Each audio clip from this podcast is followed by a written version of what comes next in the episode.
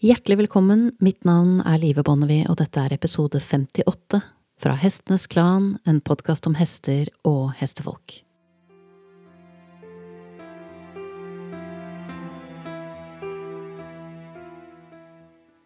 Jeg er midt i en pågående diskusjon om et tema som jeg har berørt flyktig i tidligere episoder av podkasten. Et tema jeg mener en del om, og som jeg opplever som viktig, både med tanke på velferd og med tanke på hvilken rolle vi skal spille i hestens liv. Jeg opplever gang på gang å være i settinger med andre hestefolk, der noen velger å omtale seg selv som hestens mamma. Det gjøres alltid ut av kjærlighet, og følges tett av evnen til å gi omsorg. Så kanskje er man bare vanskelig når man blander seg inn i hvordan andre mennesker plasserer seg i forhold til sin egen hest. Men engasjementet bak denne episoden vokser ut av noen betraktninger jeg ikke helt klarer å riste av meg. For også i møte med hesten så er morsrollen både komplisert og krevende. Den første som problematiserte dette for meg, var Leslie Desmond. Jeg deltok på et kurs med henne, og det var en deltaker der som omtalte seg selv som nettopp hestens mamma. Og Leslie sa tørt, hesten din har allerede en mamma. Så beskrev hun kort hva som kjennetegner hestens mamma og hun gjorde smertelig klart at den rollen, rollen som mor til hesten din, den var allerede tatt. Ahoppa som fødte, diet, skjermet, beskyttet og lærte hesten din å bli hest, slik bare hester kan. For det skal sies at de gangene vi mennesker går inn og virkelig tar over rollen som faktisk mor for hesten, fordi hoppa dør under fødsel eller like etterpå, så er det et betydelig problem at vi mangler det som skal til for fullt ut å fylle denne rollen. Det skal derfor også litt til at det vokser en sunn og balansert hest ut av en slik start på livet. De aller farligste hestene jeg noen gang har sett, har nærmest uten unntak enten vært alet opp med tåteflaske i varmen fra peisen, eller blitt overhåndtert i altfor tidlig alder. Så det vi kan tilby et følg av moderlig omsorg, det er noe helt annet enn det følget er primet for. Ikke dermed sagt at det er utenkelig at det kan vokse gode hester ut av en slik start på livet, men det jeg sier og står for, er at det er utrolig fort gjort å tråkke feil, og at skaden ser ut til å være uopprettelig. Og disse betraktningene gir meg jo et bakteppe når jeg treffer voksne mennesker som betegner seg selv som hestens mamma. Og jeg snakker ikke da om i ord og uttrykk som kom til mamma, som alle kan si med glimt i øyet, lekenhet eller ironi. Jeg snakker om hestefolk som langt på vei faktisk betrakter hestene som barna sine, og langt på vei behandler dem som barna sine. Saken er den at når man har barn selv, så vet man en del om hva moderlig energi er og ikke er. Men da jeg selv anså meg som en slags mamma for min første hest, så ante jeg ingenting om morsrollen. Jeg var jo 17 år, og full av kjærlighet og omsorg for hesten min, jeg bare øste alt sammen utover ham, slik mange hestejenter gjør mens vi forbereder oss på å sette egne barn til verden. Så hva er problematisk med det? Vel, det som er problematisk, er at det å være mamma ikke bare handler om å gi kjærlighet, omsorg og oppdragelse. Det handler først og fremst om å sette noen i stand til å klare seg selv og sette dem fri. Å være mamma handler om å gå fra å være én til å bli to. Så lenge babyen er i magen, suger seg fast i puppen eller henger i skjørtet, så er mammaenergien akkurat det som trengs. Det er det beste i verden. Det trengs litt rammer, for all del, men først og fremst trengs det trygghet, ømhet, omsorg, kjærlighet, varme og beskyttelse.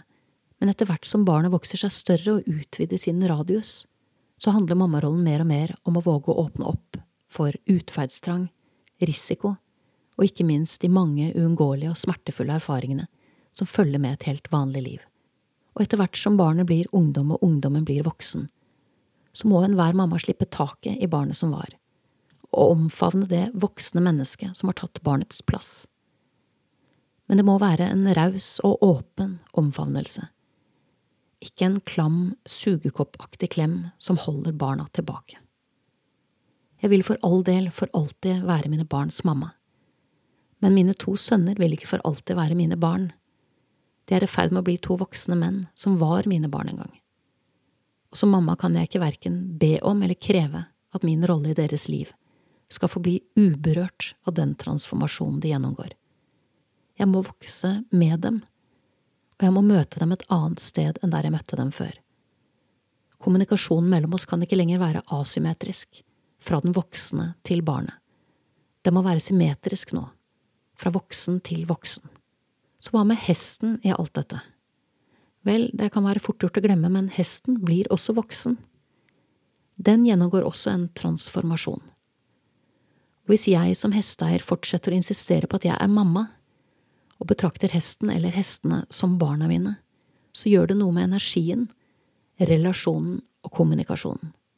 Moderlig energi er utrolig verdifullt til sin tid og levert på rett sted, men for en voksen hest så anser jeg denne formen for energi som begrensende.